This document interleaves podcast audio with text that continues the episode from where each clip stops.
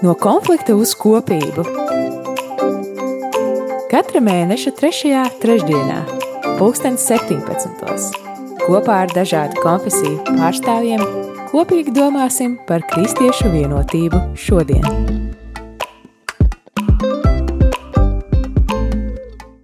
Labdien, mīļie rādījumi arī klausītāji! Ir mēneša trešā trešdiena, un studijā ir raidījums no konflikta uz kopību. Mani sauc Kristīna Lazdiņa, Un es kopīgi ar eh, aicinātiem viesiem šodien pārdomāsim un runāsim par tēmu, kas ir baznīca un kāda ir baznīcas pārvaldība. Bet pirms, eh, pirms paša raidījuma vēlos jūs iepa, iepazīstināt ar šīs dienas viesiem. Un eh, viens no viesiem mums ir, kas pārstāv katoļu konfesiju, ir Modris Lācis. Labdien, Modri! Labdien! Lutāņu konfesiju mums pārstāv mācītājs Linards Rozentāls. Labdien, Linard! Un savukārt Baptistu konfesiju mums pārstāv uh, mācītājs Jānis Balots. Labdien! Labdien! Mēs divus mēnešus atpakaļ uh, mums bija raidījums uh, par baznīcu no teoloģiskā skatījuma. Un uh, varbūt tie klausītāji, kas uh, nebija to dzirdējuši, un lai saprastu šo te kontekstu, aicinātu katram no jums nedaudz ieskicēt par to, kā jūsu konfesija uzlūko, kas ir baznīca, un tieši no šī te teoloģiskā skatījuma. Linārd, vai varētu lūgt jums pirmam? Jā, paldies! Tas ir tāds interesants jautājums, jo, jo baznīca jau ir kaut kas lielāks nekā to mēs varam aplūkot kaut kādā noteiktā vēsturiskā perspektīvā vai no kaut kāda viena aspekta. Un droši vien jau arī Utāņu konfesija vai protestantu, protestantu novirziens, pie kuras piedara uz baznīcu, raudzījies ļoti dažādi. Gan tajā laikā, kad konfesijas šīs veidojās, gan arī varbūt 19. vai 20. gadsimtā. Un tāpēc droši vien mums ir jāskatās uz kaut kādu tādu ļoti sākotnēju, ļoti tādu pašiem sākumiem, un tad es varētu sacīt tā, ka ka baznīcu veido mīlestības pieredze. Tā ir, tā ir mīlestības pieredze, kas izpaužās caur to, ka mēs šo mīlestību spējam um, formulēt, mēs spējam Jēzus uh, vēst ietērpt vārdos. Dieva vārds ir tas, kas veido šo kopienu. Mm, tā ir tāda tādā ziņā ne tikai uz kaut kādām jūtām balstīta, bet racionāli. Mēs esam Mēs, mēs uztveram Dievu, mēs uztveram Dievu kā, kā mīlošu tēvu, kā, kā mīlestību, un mēs arī spējam šo mīlestību līdzdalīt. Un to simbolizē savukārt svētais vakarēdienas. Līdz ar to baznīca ir kopiena, kuru, kuru veido vārds un sakraments. Un primāri tā ir cilvēka kopiena, un tad visas citas struktūras, un veidi, un formas, un ēkas un viss pārējais palīdz tikai šai kopienai patiesībā dzīvot un, un ietvert sevi ar vien lielākus un lielākus cilvēku lokus. Tā kā, manuprāt, ļoti svarīgi ir, svarīgi ir uztvērt to, ka tā ir Jēzus mīlestības pieredzes, Dieva mīlestības pieredzes veidot kopienu. Paldies, Linard! Modri, vai varētu lūgt tev pastāstīt, kā ir katoļu konfesija lūkojās šo? Jā, paldies! Um, ir vesela tāda nozare, gan dogmatiskajā teoloģijā, gan fundamentālā teoloģijā, ko sauc par eklezioloģiju, un tad pēta, kas baznīcā ir raksturīgs, kādas pazīmes, viena svēta, katoliska, apustuliska, un arī pēta tos tēlus, kādus svētajos rakstos mēs atrodam, gan to, kā Pāvils salīdzina, ka tā ir Kristus miesa, un ka mēs esam tās locekļi, arī to, ka mēs esam Dieva tauta, līdzīgi kā Viņa izveidojas eh, iznākot no Ēģiptes un dodoties uz apsolīto zemi. Un arī, tā ir eh, Kristus līgava, kas eh, sagatavojas tām jēra kāzām laiku beigās. Un arī, ka baznīca ir svētā gara templis. Tad daudzas šīs dažādās nozīmes, arī āvju aploks, kad Jēzus ir labais gans, un ka mēs visi kopā esam tāda ģimene. Paldies, mm, Jāni. Kā ar Baptistu konfesiju ir? Nu, jāsaka, es piekrītu saviem kolēģiem, ka, ka, ka faktiski tās domas jau arī, arī mums ir jātēt līdzīgi, bet varbūt, varbūt tādu vēl niansītu, ko varētu bagātināt šos priekšstats, kas ir baznīca, ir tas, ka arī nu, teiksim, baptistiem ir ļoti svarīgi bijis šis personīgais piedzīvojums ar Dievu, ja tā ir šī dieva atziņa, šī nākšana pie ticības. Ja, un, un līdz ar to arī nu, ir baznīcas kontekstā, ir tas ir arī cilvēku kopība, kas ir izaicināta ārā no tās uh, pasaules, ja, teiksim, kas ir apliecina to savu ticību dievam, ja tā ir dzīvo nu, pēc arī gan, gan raksti, gan, gan arī šī sadraudzība, kas ir svarīga. Un, protams, Baptistiem arī ļoti svarīgs tāds elements, kas nāk klāt, ir šī kristība pagrēmta, ja, jo tas ir savu veidu arī tāda redzamā zīme arī tam notikumam, kas ir cilvēkam noticis. Ja, tā, viņš ir, nu, Dievam ir teicis, jā, nožēloja savus grēkus, un tā ir tā redzamā, redzamā nu, teiksim, tā, tāds akts, ja, tā ir caur šo kristību. Un tas ir arī, gan viņš tiek uzņemts šai kopībā, gan arī viņš, nu, tiek saņemts arī tas apsolījums, ja svētājas gads, ja tēt, un, un tas arī tāds draudzes veidojošais svarīgs moments. Ja. Nu, tā, nu, tas ir tāds kopējs papildinājums uzskatiem, domām. Jā, paldies.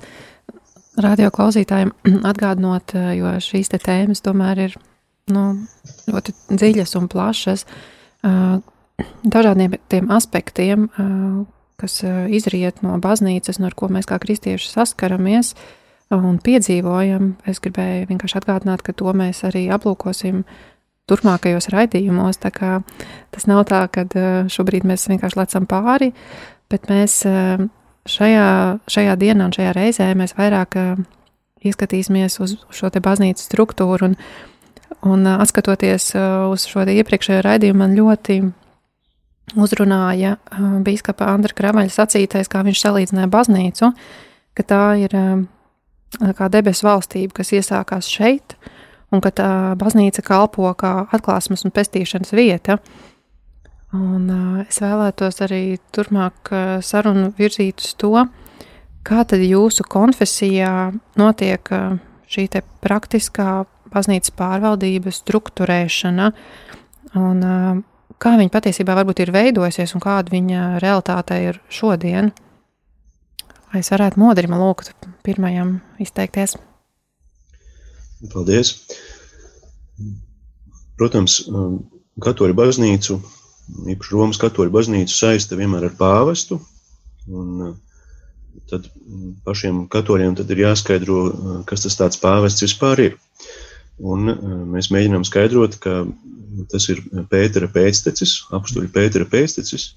Un kāpēc tieši Pētera? Tāpēc, ka viņam Jēzus, kā lasām svētajos rakstos, saka, tu esi klints, un uz šīs klints es uzcelšu savu baznīcu, un Ēles vārti to neuzvarēs. Un es tev dodu debesu valstības atslēgas, ko tu saistīsi virs zemes, tas būs saistīts arī debesīs, ko tu atraisīsi virs zemes, tas būs atraisīts arī debesīs. Un šīs tādas funkcijas, tad, protams, nevarētu būt, ka paliek tikai vienam cilvēkam, Jēzus laika biedram, tajā 2000 gadu senajā pagātnē, bet ka tas tiek nodots tālāk. Un tā ar roku uzlikšanu tāda sukcesija, turpinājums ir līdz mūsu dienām. Un tas iemesls, Kāpēc uh, sauc baznīcu arī par apustulisku? Uh, pirmkārt, tas ir tāpēc, ka baznīcas mācība uh, balstās uz apstuļiem, jo tas, ko apstuļi pirmkārt jau pats Pēteris, bet vairākiem no svētiem rakstiem skatāmies kvantitatīvi Pāvils un arī Jānis, šī apustuliskā mācība. Un pēc tam Otrajā nozīmē tas ir arī tāpēc, ka ar roku uzlikšanu šie apstuļi arī tālāk ir nodevuši šo savu varu, kas viņiem ir dieva uzticēta. Un tad līdz ar to apstuļu pēstečus sauc par bīskapiem, un priesti ir atkal viņu palīgi. Bet ir diezgan sarežģīti to skaidrot, parasti saka, nu, iedomājies piramīdu, un augšā ir pāvests, un tad pēc tam kardināli, bīskapi, bīskaps ir arī kardināls ir bīskaps, un arī pāvests ir bīskaps, Romas bīskaps, un tad tālāk priesteri, diakoni, lāji, tur katram it kā savu kārtu. Bet izrādās, ka tas ir nepareizs modelis, ka šādi mēs nedrīkstam baznīcu stādīties priekšā. Tas varbūt ir kā ilustrācija, lai varētu mazliet mēģināt to ilustrēt, jā, parādīt. Bet daudz vairāk ir runa par tā, tām lokālajām, ja vietējām baznīcām, vietējām draudzēm, kuras ir savstarpēji saistītas un kuras veido šo lielo baznīcu. Modri, man ir jautājums, tu stāstot, pieminēji tādu jēdzienu kā sukcesija. Vai tu varētu paskaidrot, kā tas tā vienkāršajiem vārdiem būtu? Jā, to vārdu, svešu vārdu sukcesija eh, lieto, lai apzīmētu eh, šīs garīgās varas tālāk nodošanu. Un, pirmkārt, ja tas mums ir saistībā ar pāvesta varu, tad mm, viņa atbildība par visu baznīcu, bet attiecībā uz bīskapiem un priesteriem arī, ka viņi var dalīt sakramentus. Protams, tas, ko Jānis pieminēja par kristību, to var jebkurš cilvēks vajadzības gadījumā, nepieciešamības gadījumā, var jebkurš kristīt. Bet, piemēram, svinēt svēto misiju, evaharistiju, pārvērst maizi un vīnu par Kristus miesu un asinīm, to var tikai tie, kuri saņēmuši šajā sukcesijas kārtībā un kur ir iesvētīti, kur ir saņēmuši šo varu. Apmēram tā ir skaidrot sukcesiju. Paldies, jā, tagad skaidrāks. Vai Linārs varētu pastāstīt, kā Lutāņu konfesijā ir šī struktūra veidota? Nu, droši vien te ir jāpiemina uh, kādas pāris lietas, un pirmā ir tāda mazliet vispārēja, proti, ka manā ieskatā uh, tas, ko mēs, mēs šobrīd redzam, kas ir baznīca, ir tādas zināmas vēsturiskas attīstības rezultāts. Un tādā nozīmē baznīca iet cauri laikmetiem, cauri visiem tiem pašiem principiem, kā jebkura, jebkura organizācija, jebkura institūcija, man liekas, ka ļoti svarīgi ir apzināties, ka nu, savos pirmsākumos baznīca veidojās kā tāda, kā tāda, ko mēs varam sacīt, tāda kustība. Šīs nelielās draudzes, ar kurām Pāvils komunicē, par kurām mums ir jaunajā derībā, mēs lasām. Un uh, tikai tad, kad, mm, zinām, vēsturiski apstākļu dēļ, Un jebkura kustība vienā brīdī viņai nepieciešama sava struktūra, savi, savi noteikumi, savas, savas, sava institucionalizēšanās.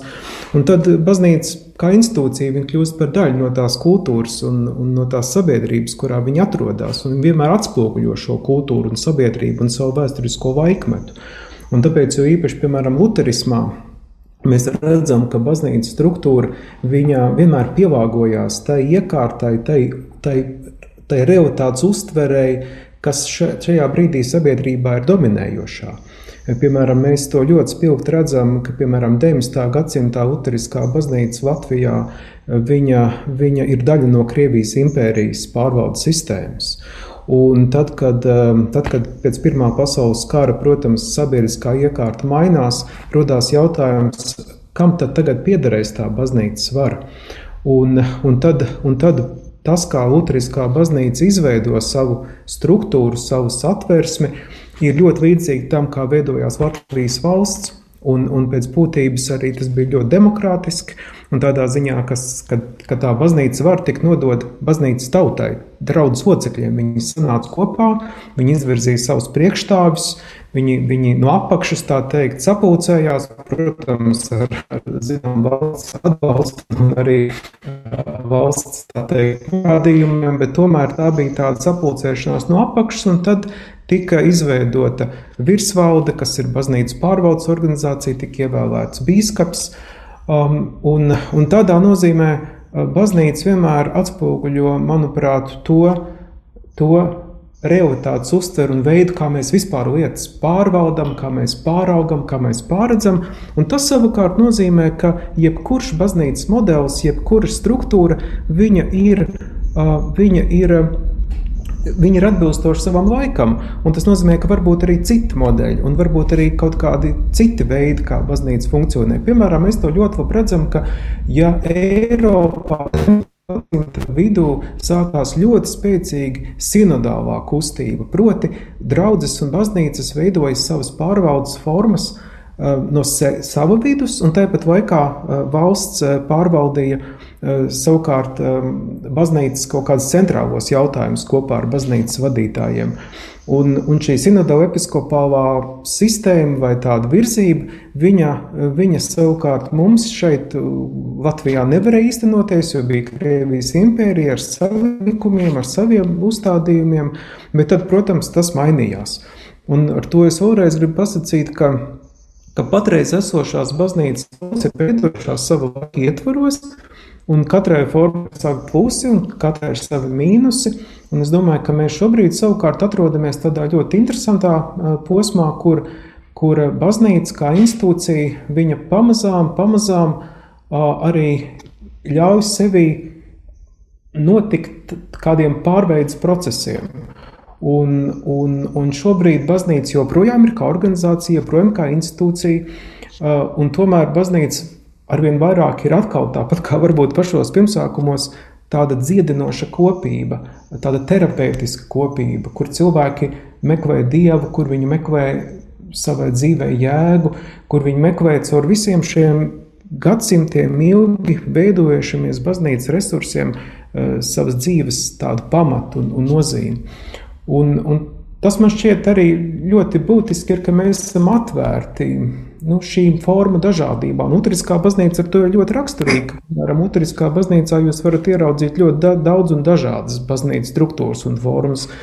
Sākot no tādām, kas ir ļoti varbūt līdzīgas eh, Romas katoļu baznīcai, Un beidzot, varbūt ar tādām, kas, kas ir ļoti horizontālas, ļoti, ļoti varbūt tādas jau pietuvinātas kādām brīvbaznīcām. Tā kā otriskā baznīca ir raksturīga ar ļoti daudz veidu, jo katra baznīca, katra bezmaz vai ne gluži draudz, bet katra lokālā vietējā baznīca ir tiesīga izvēlēties to savu veidu, kā tad, kā tad tas darbs tiek darīts, kā mēs to strukturējam.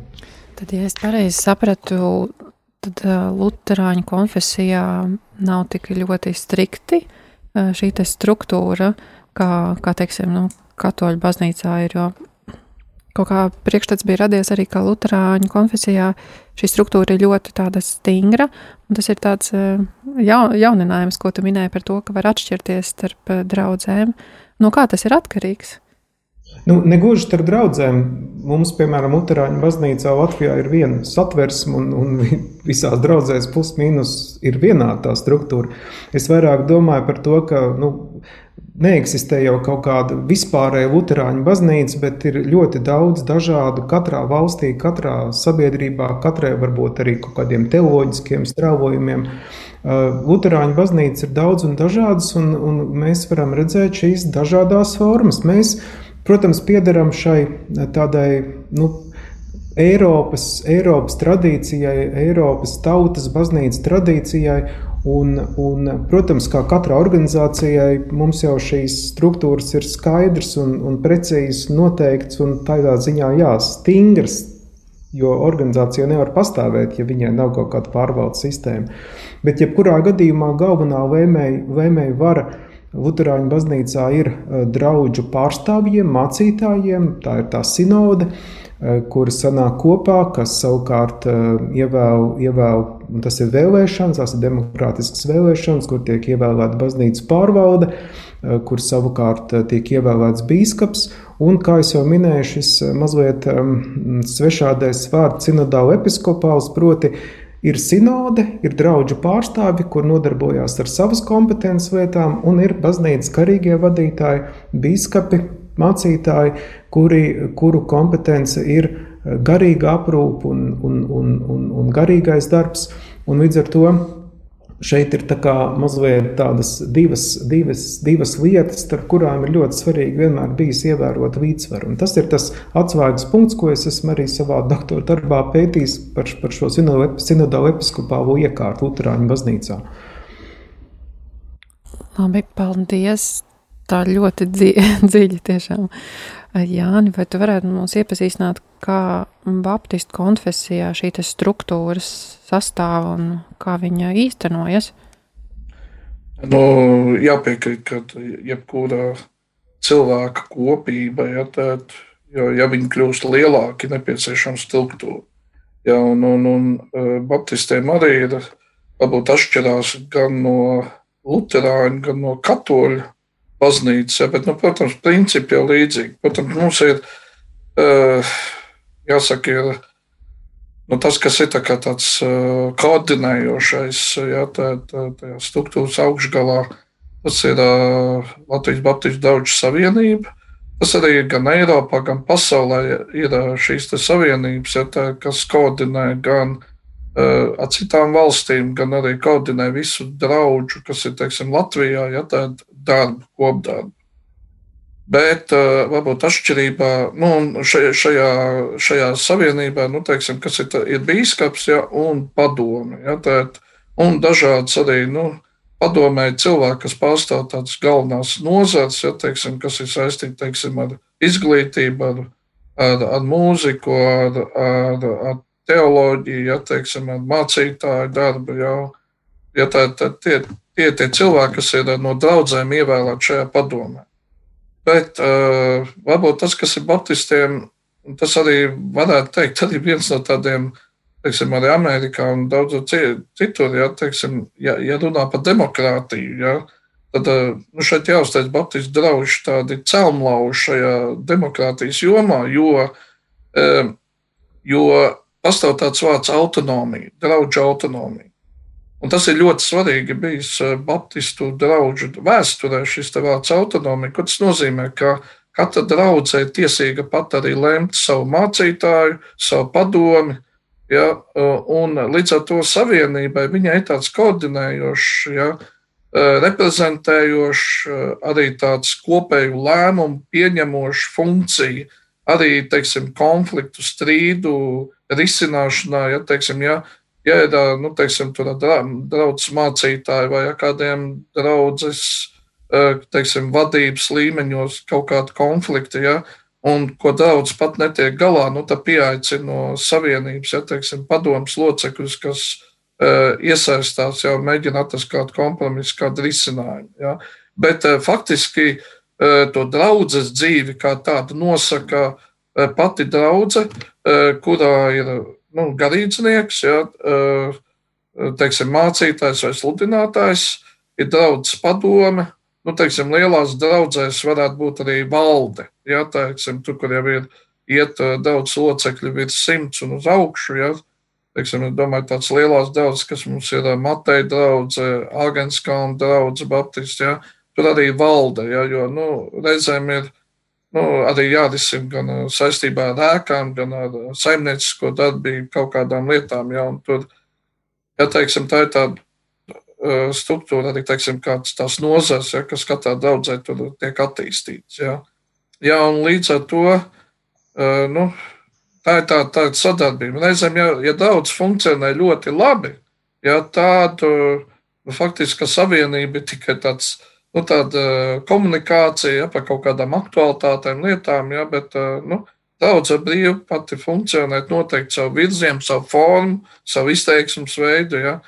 Bet kas arī ļoti svarīgs ir Baptistu daudzēm, ir reizes gadā eh, mēs sanākam kopā, tā no katras draudzes tiek izvēlēta delegāti, ir, ir kongress, ja, tā, kurā ir šīs aktualitātes, kas ir gadā noticis kurā tiek ievēlēts arī bīskaps, jo mums nav, teiksim, tā, ka bīskaps ir varbūt pēdējos gados pie Pēters Proģa pamainījās, ka varēja viņš arī trešo reizi, tā kā uz tiem četriem gadiem pretendēt, jā, un tālāk, jā, bet, nu, pārsvarā, jā, tomēr ir tā, ka līdzīgi kā valstī, ja mums ir prezidents uz diviem termiņiem, jā, un parasti jau cilvēki arī tā saprot, ja tu esi pie vadības, jā, nu, tā ir liela atbildība. Ja, un bieži vien ir labi, kad ir tā, tā maiņa. Un tas kongress ir tas instruments, kur mēs varam ievēlēt bīskapu. Mēs varam arī ievēlēt padomus locekļus, jo padomus locekļiem arī noteikts laiks, ja, uz kuru viņi tiek ievēlēti. Ja. Un, un, un, nu, un tā, arī, protams, ir šīs revīzijas, un, kas ir komisijas, ja, nozara komisija, tāds atskaitas, ja, un, Un arī, teiksim, bija, nu, teiksim, pēdējos gados arī bija, nu, es domāju, šajā mainīgajā pasaulē arī ļoti svarīgi kongresā izrunāt, uz kurien mēs ejam, kāda būs šodienas baptistu, Latvijas baptistu, nu, tas uh, uzstādījums sabiedrībā, ja tā ir tā, ko mēs nākam un, un tas ir šajā kongresā tiek kā, prezentēts, diskutēts, ja, nolēmts, ja, un, un, un, un, Un, protams, pašā draudzē arī draudzē pastāv arī šis kā, mācītājs, sludinātājs. Viņš tiek arī ievēlēts uz noteiktu laiku, uz trim gadiem. Protams, viņu var pārvēlēt, un nav tāds kaut kāds ierobežojums, uz cik reizēm ja, tā var būt. Bet ir šī pilnsapulce, kas ir katru gadu, ja, un tas arī tāds, kur draudz var izteikt savus priekšlikumus, savus pretenzijas var atskaitīties, ja, teiksim, kas ir noticis par aktualitātēm, un ievēlēt atkal jauns cilvēks padomē, valdē, vai arī, ja mācītājs dodas prom, tad ar pilnsapulci ievēl jaunu mācītāju. Tā aptuveni tas. Jā, paldies, paldies radījuma viesiem par, par šo skaidrojumu. Šobrīd mēs dosimies nelielā muzikālā pauzītē un raidījumu, raidījumu turpināsim pēc tam. Tās mans mīļais tēvs, lūdzu paņem savās rokās un noliec tur, kur mani ceļi tavā priekšā lokā.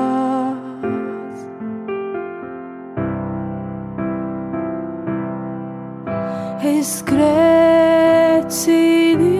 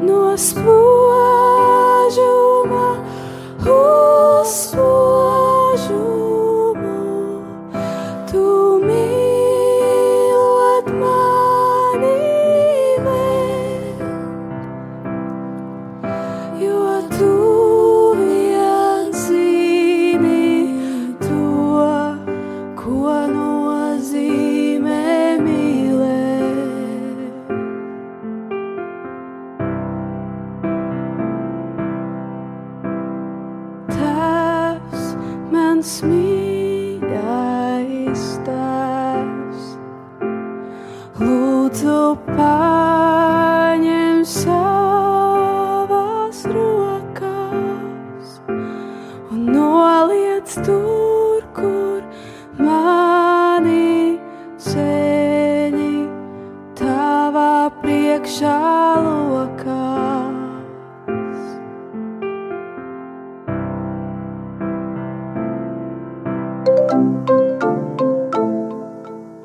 No konflikta uz kopību.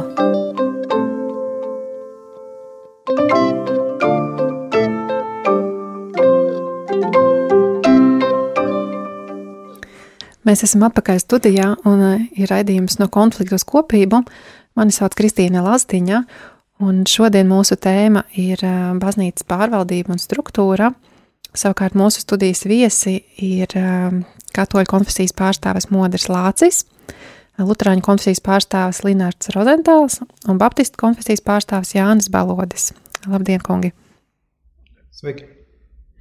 Mēs raidījuma pirmā daļā vairāk pieskārāmies tam, kāda tad ir katrai konfesijai šī baznīcas pārvaldība.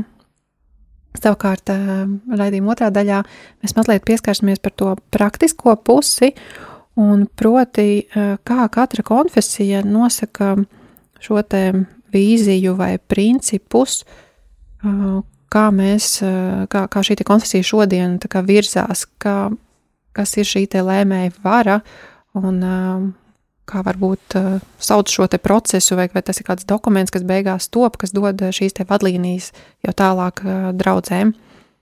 Otrs, vai es varētu palūgt, pastāstīt, kā katoļu konfesijā tas notiek? Jā, mums uh, par, par baznīcas pārvaldu tas ir tā, kā mēs uh, pirms tam bijām pārunājuši pāvests, bīskapi un tad vietējās draudzēs arī tad, nu, priesteris kā bīskapa palīgs. Un uh, bieži mums arī ir grūtības ar to uh, teoloģisko izpratni, ka, tu esi tikai palīgs bīskapam, ka tu neesi tāds vietējais pāvests savā draudzē un ka to visu var arī noteikt. Un tas, kas attiecās uz baznīcas mācību, bez šaubām, ka to izlēmja vairāk koncilos, tādās nu, bīskapu un un uh, teologu sanāksmēs. Un, tas ir interesants arī temats, kā um, katoļu baznīca uh, māca, ka ir uh, maģistērijas, tāda oficiālā mācība, bet reizē arī teologiem ir uzdevums darboties par to, kā šo baznīcas mācību veidot. Un savukārt par, par draudzēm, tas, ko katrs lais, katrs draudzes loceklis var darīt, tas ir milzīgi daudz. Jo, piemēram, ja priesterim pašam viss būtu jādara, nu, tas nebūtu vienkārši iespējams. Ka, pat tādām nelielā salīdzinoši draudzē, kā mums Svētās Terēzes no bērnu jēzus draudzē, arī ir ļoti daudzi kalpojumi, kur katram lajam arī ir jāiesaistās. Un, piemēram, var teikt arī par to jauno dokumentu, par ko Priesteris Pēters arī ir komentējis redzījumos, ka ir jābūt draudžu padomēm, kur draudžu locekļi parasti tiek ievēlēti, ka viņi arī apspriež kopā ar priesteri, kā mēs draudzē rīkosimies, ko darīsim, ko nedarīsim, kā darīsim. Varbūt arī ekonomiskās padomes, kur ir, piemēram, ja ir liela draudzene, tad viņi var uh, savākt uh, to kolekti, uh, ziedojumus. Viņi saskaita un arī atdod bankai un, un tam līdzīgi. Un arī spriež par šiem līdzekļiem, kas ir vajadzīgs, vai tur kāds remonts, vai tur kādi, kāda tehnika jāpērk un tam līdzīgi. Arī par to, ja ir algotais personāls.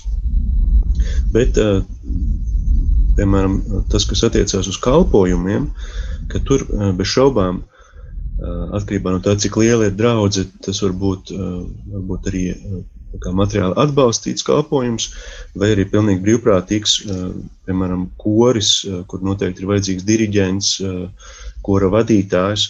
Tad svētdienas skolā ar, ar vienu vai vairākiem skolotājiem, kur var būt pa vecuma grupām attiecīgi. Uh, Tad baznīcas tīrīšana, talkas dažādas, kur mēs piedalāmies arī apkārtni, lai sakārtotu puķes, kā var salikt, tad kurš rāda dziesmu, dziesmu vārdus uz ekrāna, kurš rīko alfa, alfas vesela komanda, tur ir darbs ar jauniešiem.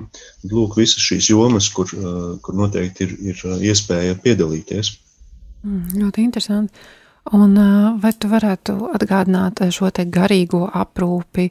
Tur ir kaut kāds konkrēts amats, kurš, nu, kas to veids, vai kā tas tiek izlemts. Tu uz, uzskaitīji vairāk šos te saimnieciskos pusi, bet raidījuma sākumā tu minēji arī par garīgo aprūpi. Kā sauc, kā sauc šos cilvēkus, kas veids garīgo aprūpi, vai tikai mācītājs? Un... Jā, varbūt kapelāni, piemēram, slimnīcās, un skolās un armijā. Draudzēji varbūt tas ir mazliet mazāk. Tur noteikti garīga aprūpe attiecas uz vairāk tā kā uz svētdienas skolām, cik tas ir tā garīgā joma. Un varbūt arī varbūt kādi padomdevēji, tādi garīgie padomdevēji, piemēram, ja tu esi mazliet specializējies tajā jomā, tad tu vari veidot nu, saskaņā ar, ar šo vai draudzes padomus un, un prāvesta priestera tādu lūgumu, kādas jauniešu grupas, tad tu esi šajā jauniešu grupai tāds kā garīgais vadītājs. Un mums bija vienu laiku tāds itālis Marko, kurš ļoti mācēja pulcināt jauniešus piekdienas svētajās misēs, ka viņš pats spēlēja sintēzatoru, un tad šie jaunieši veidoja tādu ansambli. Nu, tā ir attēlināto mācīšanos, tas tā kā ir beidzies, bet viņš ir tāds padomdevējs viņam kā vecākais brālis, kā draugs, kurš var jauniešiem viņu valodā daudz vienkāršāk to pateikt nekā es vai, vai kādi citi cilvēki. Un es zinu arī, ka ir opus dei tādas meiteņu grupas, kur arī strikti pa vecuma šīm grupām. Tur 12, 13 gadus vecām meitenēm, piemēram, tad viņām arī tā, tāda kā garīgā vadība. Bet, protams, ka varbūt garīgā vadība arī visa vecuma cilvēkiem. Un, un es savā draudzē neesmu tā, nu, pamanījis, ka mums būtu speciāli tāda, tāds tā kā amats mums nav, kurš ir garīgais vadītājs bez, bez priestera cits kāds. Bet es domāju, ka mēs viens otram palīdzam, un mums ir arī tāda lūkšana grupa, un ir arī WhatsApp chats, kur mēs vienmēr liekam tos lūkšanu nodomus, un tad arī daudzi padomi, tur kāds cilvēks kaut ko jautā, tad jau šīs atbildes jau tiek dotas, pirms vēl es tur esmu pamanījis, ka kāds jautājums ir parādījies. Jā, paldies. Tas nozīmē, ka arī baznīca iet laikam līdzi, un arī šī saziņa mums notiek jau, jau mūsdienīgi. Jāni, vai varētu palūgt paskaidrot vai izstāstīt sīkāk no baptistu konfesijas, kā, kā baptistiem tas notiek? Nē, nu, domāju, tādas kaut kādas idejas vai kaut kādu jaunu tādu redzējumu, protams, uh, visbiežāk jau to uzstāda mācītājs vai sludinātājs. Ja tā ir teiksim, komunikācijā ar bīskapu, ar, ar, ar, ar, savienības uh, padomu, nu, teiksim, arī tā, tās pēdējās uh, aktivitātes, kas ir bijušas, ja, te, teiksim, piemēram, par nedēļu lūkšanu, gavēni. Ja, tā, nu, tas, tas nāk no teiksim, arī biskupi, jo dažādi konfesiju biskupi kopā to tā tādu kopējo to lietu, ko varētu daudzēs darīt. Un tad biskups, nu, teiksim, mūsu kontekstā izsūtīja garīdzniekiem e, šo aicinājumu. Un tad, protams, es tālāk to līdzdalu padomē. Ja, un e, nu, arī ticu, ka manu kolēģi arī tāpat tās savās draudzēs. Ja, un, Un tad tas dievkalpojumā tiek, nu, visticamāk, dievkalpojumā ja, vai kādā citā veidā tiek arī, e, teiksim, ja padomē ir izlemts, kā un kādā veidā to darīs, jo katrai daudzai arī mazliet ir sava specifika. Ja, un e, tad arī tie tehniskās iespējas un tā tālāk. Bet padomē pieņem kaut kādu konkrētu lēmumu, kas ir atbildīgs, kas koordinē to visu un tā tālāk. Nu, tad tas tiek uh, vēstīts draudzē, daudz cilvēkiem. Un, un ļoti svarīgi arī beigās ir tad, kad tā, tas cilvēks, kas uzņemās atbildību par šo koordinēšanu, arī beigās vēl nu, tā tādu kopēju rezumē, ja, tā, tā, kā ir gājis un kā ir veicies, kas ir bijis. Ja, jo nu, svarīgi arī tādu, tā tādu at, atgriezenisko saiti ja, iegūt. Ja iet runa par to kalpošanu ja, cilvēkiem, ja, nu, visbiežāk jau, nu, ja cilvēks ienāk draudzē, ja, ir savs laiks pagājis, un, un, un, un protams, ir cilvēki ļoti dažādi. Ir, ir viens, ka cilvēks pats nevar nosēdēt mierā, un viņš sāk meklēt ja, atbilstoši.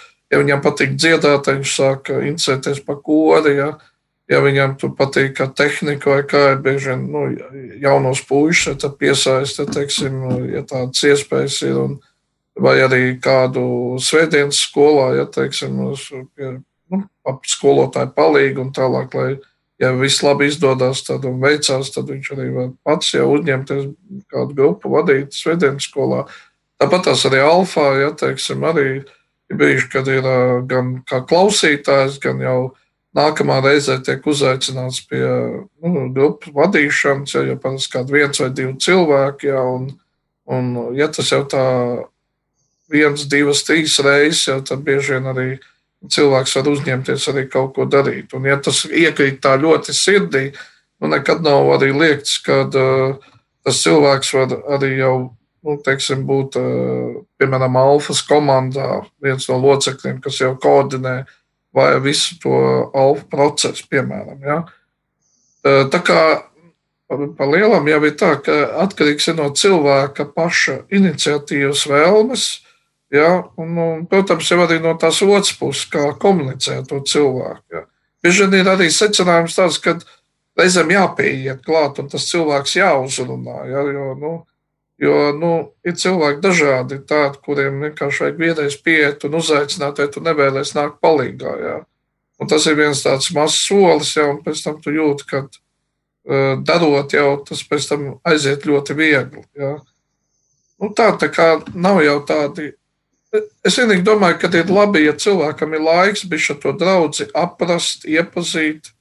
Ja, un, teiksim, mūsu kontekstā arī bieži vien, ja jauns cilvēks ienāk draudzē, tad, zinu, arī citās draudzēs ir bija tāda pieredze, ka kaut kāds arī tāds pieredzējis jau daudz loceklis, viņam tā kā tāds, nu, neteiksim mentors, bet tāds, kas vismaz ar viņu parunā un, nu, teiksim, to uzmanību, jo bieži vien ir tie jaunie cilvēki, viņi atnāk, aiziet, Un, un, un, un ja nav šī te, teiksim, tāda cilvēku arī, jo mācītājs nevar visus, jā, nu, tas nav iespējams viņam tā, tajā laika ziņā, īpaši svētdien, jā. Bet ja tie, tie var būt diakoni, tie var būt padomas locekļi, tie var būt kaut kādi mazo grupu vadītāji, kas mazliet paskatās, kas ir tie jaunie cilvēki. Jā. Un uh, bieži vien tās atsauksmes ir arī pēc tam tāds, ka tie cilvēki novērtējuši to, ka ka pie manis ir pienākuši un uzrunājuši. Ja? Un, un tad viņi iejūtās tajā draudzē, viņi, pieņem jau šo draugu kā tādu savas garīgās mājas, un tad jau nu, parasti, parasti jau notiek tā, ka kaut kur izvēlās to savu ceļu aiziet. Ja? Nu, tā, nu, tā kaut kādā tādā, tādā Jā, veidā. Apustējis process. Jā. Jā. Jā, Linārda, vai tu varētu lūdzu mums pastāstīt, kā šie galvenie jautājumi Lutāņu konfesijā tiek risināti un, un kā Lutāņu konfesijā šī kalpošana notiek? Man simpātiski ir doma, ka mēs jaunajā derībā atrodam tādus divus baznīcas modeļus, kā jau mazliet minēju iepriekš. Nu, viens, kas ir veidots no augšas, un tur ir savi amati, tur ir savi, savi, sava kārtība, un ir tas otrs, kas ir veidots no apakšas, kas ir tāds horizontāls, ļoti paši cilvēki pašorganizējās. Man liekas, ka tas arī parādās Lutāņu baznīcas ikdienas pārvaldē, ka ir kaut kādi visiem kopīgi jautājumi. Ir kaut kāds kopīgais labums, par ko mums ir jārūpējās. Un, un to, protams, dara uh, virsvalde, to dara biskupi, to dara kapituls vai vai kādas citas eh, visu, visu baznīcu draugu aptverošas eh, kādas, kādas institūcijas vai kādas, eh, kādas nezinu, kā viņas nosaukt, kaut kādas nodaļas vai kā. Bet, protams, protams ka paši svarīgākie tomēr jautājumi ir tie, kas tiek eh, darīti pašā draudzē, jo baznīca, ir, eh, baznīca pastāv caur draudzēm. Un, eh, un tādā ziņā arī pašā draudzē šeit senāk kopā, ka mm, tā struktūra ir ļoti koleģiāla. Tā struktūra ir tā kā, tā kā komanda, kur katram ir tāda sava kompetence. Ir mācītājs ar savu kompetenci, ir nezinu, draugs priekšnieks ar savu kompetenci, draugs padome, draugs valde. Dažādi ekonomiski, administratīvi, saimnieciski jautājumi, kas ir jārisina. Jo, protams, kā darīt garīgo darbu, nav iespējams bez rūpēm par šo par šo konkrēto vietu, kur tas notiek, konkrētā draudzene, konkrētā baznīca. Man arī simpātiski ir doma, ka Jēzus, ja es pareizi saprotu, viņš nedēļa priekšroku nevienam, ne otram modelim, ne no augšas, ne no apakšas. Bet viņam tikai bija tādi divi kriteriji, ka, kas, kas patiesībā baznīca konstatē, nu, ka tev ir jāmīl Dievs un tev ir, un tev ir jārūpējās par cilvēkiem, tev ir jāmīl cilvēki. Un tādā ziņā es domāju, ka draudzes darbs eh, absolūti nav vairs iedomājams kaut kā tā, ka to dara tikai daži eksperti, bet tas pieprasa ļoti plašu brīvprātīgā darba formu, jo runa ir par to, ka mūsu uzdevums ir komunicēt pēc iespējas vairāk cilvēkiem, pēc iespējas saprotamā veidā, jo īpaši tiem cilvēkiem, kuri kurus varbūt līdzinājās formas vai komunikācijas veidā nav spējuši uzrunāt, komunicēt evaņģēlīju. Un, piemēram, tas, kā It īpaši šajā gadā tas ir pamainījies, kur tu piepieši saproti, ka garīgais darbs nevar atrasties arī tikai viena mācītāja rokās. Nu, piemēram, dievkalpojums. Nu, agrāk tu varēji noturēt dievkalpojumu. Tu atnāc uz baznīcu, tu principā pats vari iesvērt gaismas, attaisīt durvis. Ērģelniece jau ir vajadzīga, nu, viņa vai tur paspēlē. Un tad tu noturi dievkalpojumu vienkārši no A līdz Z. Bet tagad vai tu izveidot digitālu dievkalpojumu, tas nav iespējams. Tev ir vajadzīga komanda, tev ir, tev, tu ta, uztaisīt kaut cik normālu, pieklājīgu, skaistu lietu, ir vajadzīgi cilvēki, kas visam tam palīdz notikt. Un, un tādā ziņā es domāju, ka šis pandēmijas laiks mums eh, vēl jau vairāk iemāca, ka, ka, ka ir nepieciešama visu ļoti daudz cilvēku iesaistīšana un brīvprātīgo darbs. Un tas ir tas, ko Pāvils saka, ka ir ļoti daudz un dažādas dāvanas, un, un, un visi nevar darīt visu, tas arī ir skaidrs. Bet arī pilnīgi piekrītu kolēģiem. Es domāju, tas laiks ir garām, kad visu darīja tikai viens mācītājs vai daži cilvēki draudzēm. Tas vairs nav iespējams, un to arī cilvēki nemaz negrib. Un tā ir tā izjūta, ka cilvēki grib piedalīties, viņi grib izdarboties, viņi grib iesaistīties. Un es domāju, ka mēs esam tādā laikā, kur mēs šo ticību piedzīvojam ne, ne tikai caur to, ko mēs dzirdam, bet arī caur to, ko mēs darām, kur mēs piedalāmies. Un liekas, ka baznīcas un draudzes atbildība ir radīt šīs līdzdalības telpas, šīs te telpas, kur cilvēki var darboties. Un ne tikai rūpējoties par to konkrēto vietu, tā, tā teikt, tā žoga, kas ir, bet, bet domājot, kā mēs varam iesaistīties kā brīvprātīgi daudzās citās sabiedriskās iniciatīvās. Tur tas jādara, vai šis, vai vēl kaut kas, kā mēs varam būt arī zināmā mērā viena komanda vai komandā ar ļoti daudziem cilvēkiem, kas iestājās par viņu nu, par, par labāku dzīvi, par iedzīgākām lietām, par labāku sabiedrību un tam līdzīgi. Baznīca nav atrauta no tā visa, viņa ir tā visa daļa. Un tādā nozīmē varbūt arī šis laiks ir tāds interesants, ka baznīcai ir, ir varbūt arī kādas lietas jāpārvērtē vai jāskatās, kādas, kādas, kādas formas vai veidi ir jāsāk no jauna. Ehm, jo, jo baznīca jau ir tikai baznīca citiem. Tas ir tas, ko Dietrichs Bonhēfers, teologs, Lutāņi teica, ne, ka baznīca ir tikai baznīca tad, kad viņa ir baznīca citiem. Ehm, tad, kad viņi griežās ap sevi, vai riņķo ap sevi, vai tikai domā par sevi, tad tas ir kaut kas ļoti noslēgts un, un tāds ne, bezperspektīvs. Paldies tev par interesantu skaidrojumu dziļu. Um, raidījuma noslēgumā es vēlētos uh, ielūgt jums. Uh, Kāds būtu jūsu iedrošinājums, um, ņemot vērā, ka mēs šobrīd dzīvojam tādos apstākļos ārkārtas, kad um, mums arī šī fiziskā iespēja būt baznīcā um, nav pieejama. Tāpat laikā Dievs ir dāvājis katram dažādas dāvanas. Kā jūs, uh, kā, kā mācītāji, kā, uh, kā priesteri, uh, redzat, kā kristieši var iesaistīties, līdzīgi kā Lināts jau minēja, nevien baznīcas dzīvē, bet uh, varbūt plašākā mērogā, lai mēs tā kā nepaliekam noslēgti, izolēti, bet mēs varam turpināt kalpot. Modri, vai es varētu lūgt uh, tevi izteikties? Jā, man uz, uh, uz mēles ir tas vār, vārdu savienojums laju apustulāts. Ko tas nozīmē? Jā, bet tas nozīmē, ka katram kristietim, jau ar kristības brīdi, īstenībā ir arī pienākums sludināt labo vēsti. Uh, Kristus labo vēsti. Un mūsdienās, kā jau jūs teicāt, ka ir šie apstākļi un situācija atšķirīgi, ka mēs nereti pat nevaram tiešajā pateikt otram cilvēkam, pat ielūkoties viņa sejā, viņa smaidu redzēt aiz maskas, bet caur šiem plašsaziņas līdzekļiem, caur masu komunikācijas līdzekļiem, ar, caur internetu, tajos tīklos, kur mēs katrs esam, sociālajos tīklos un tajā arī sociālajā kopā un grupā, kur mēs esam, mēs varam liecināt, un, un tas ir pārsteidzoši. Man, piemēram, viens skolēns, kurš arī ir draudzes loceklis, viņš tagad mācās citā pilsētā, un tad viņš bija veidojis savu tādu lūkšanu grupu jauniešiem. Un vidusskolēns, bet ar tādu lielu tādu aizrautību. Un, un, protams, viņam arī ir, ir grūtības, ka daži bija tur nākuši tikai ķēmoties un nepareizes lūgumus teikt.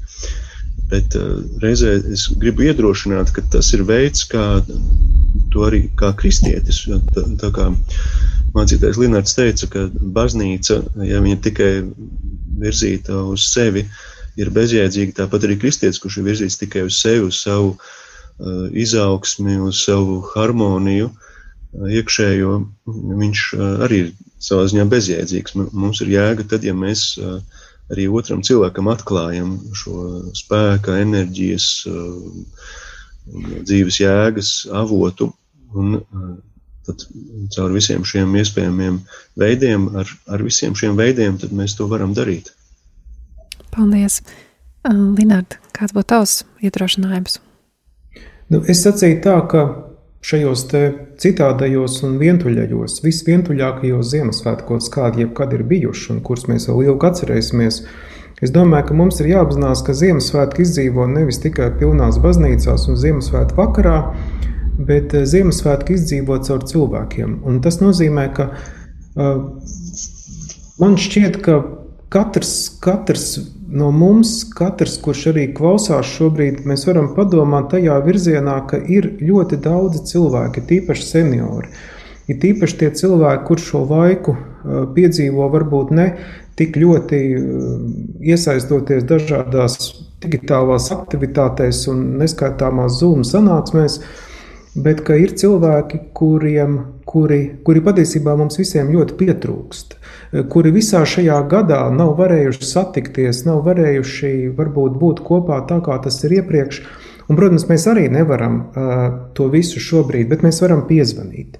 Mēs varam piezvanīt, ja katrs no mums piezvanīt vienam vai diviem cilvēkiem, tad, tad šie Ziemassvētki būs arī atraduši kaut kādu veidu, kā izdzīvot. Jo mums ir, mums ir jādomā, ja Ziemassvētki nevar izdzīvot vienā veidā, varbūt viņi ir izdzīvot citā veidā, jo šie ir svētki, kas ir It īpaši šī svētku nedēļa, vai ne īpaši manai tādai paudzei, kur vecgada vakarā viss sapulcējās kopā un, un tā.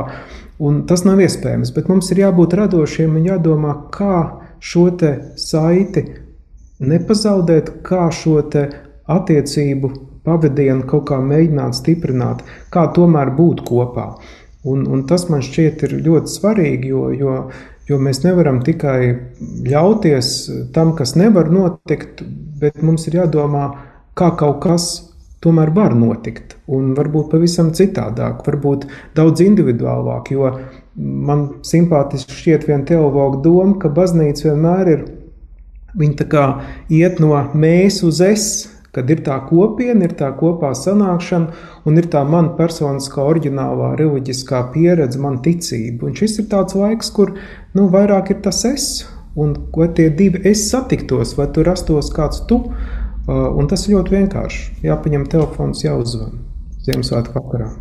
Jā, paldies. Ļoti, ļoti jauki. Jāni, kāds būtu tavs vēlējums?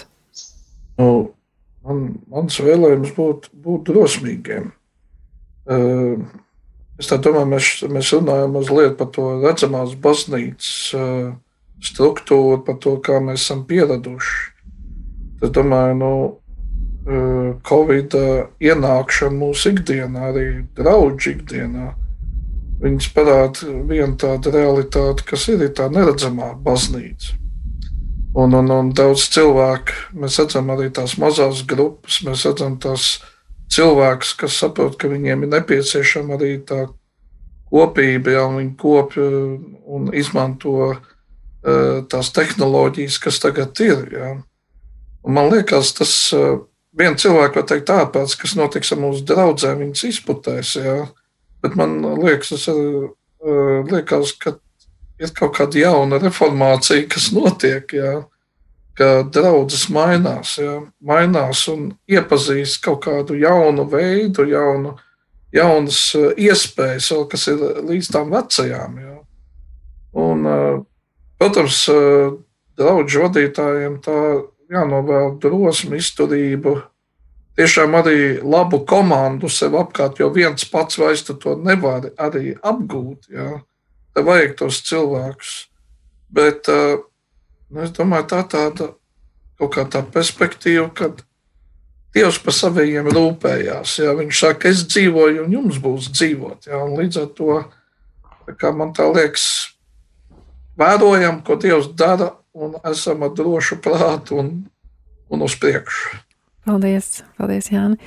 Jā, mīļais eh, radio klausītājiem, mēs vēlamies arī tevi iedrošināt, um, ielūkoties um, kād, kādas dāvanas Dievs tev ir dāvājis un kā tu vari ar tām kalpot gan draudzē, gan plašāk sabiedrībā. Un, un tiešām esi drosmīgs un pat liekas, ka varbūt neko tu nevar darīt.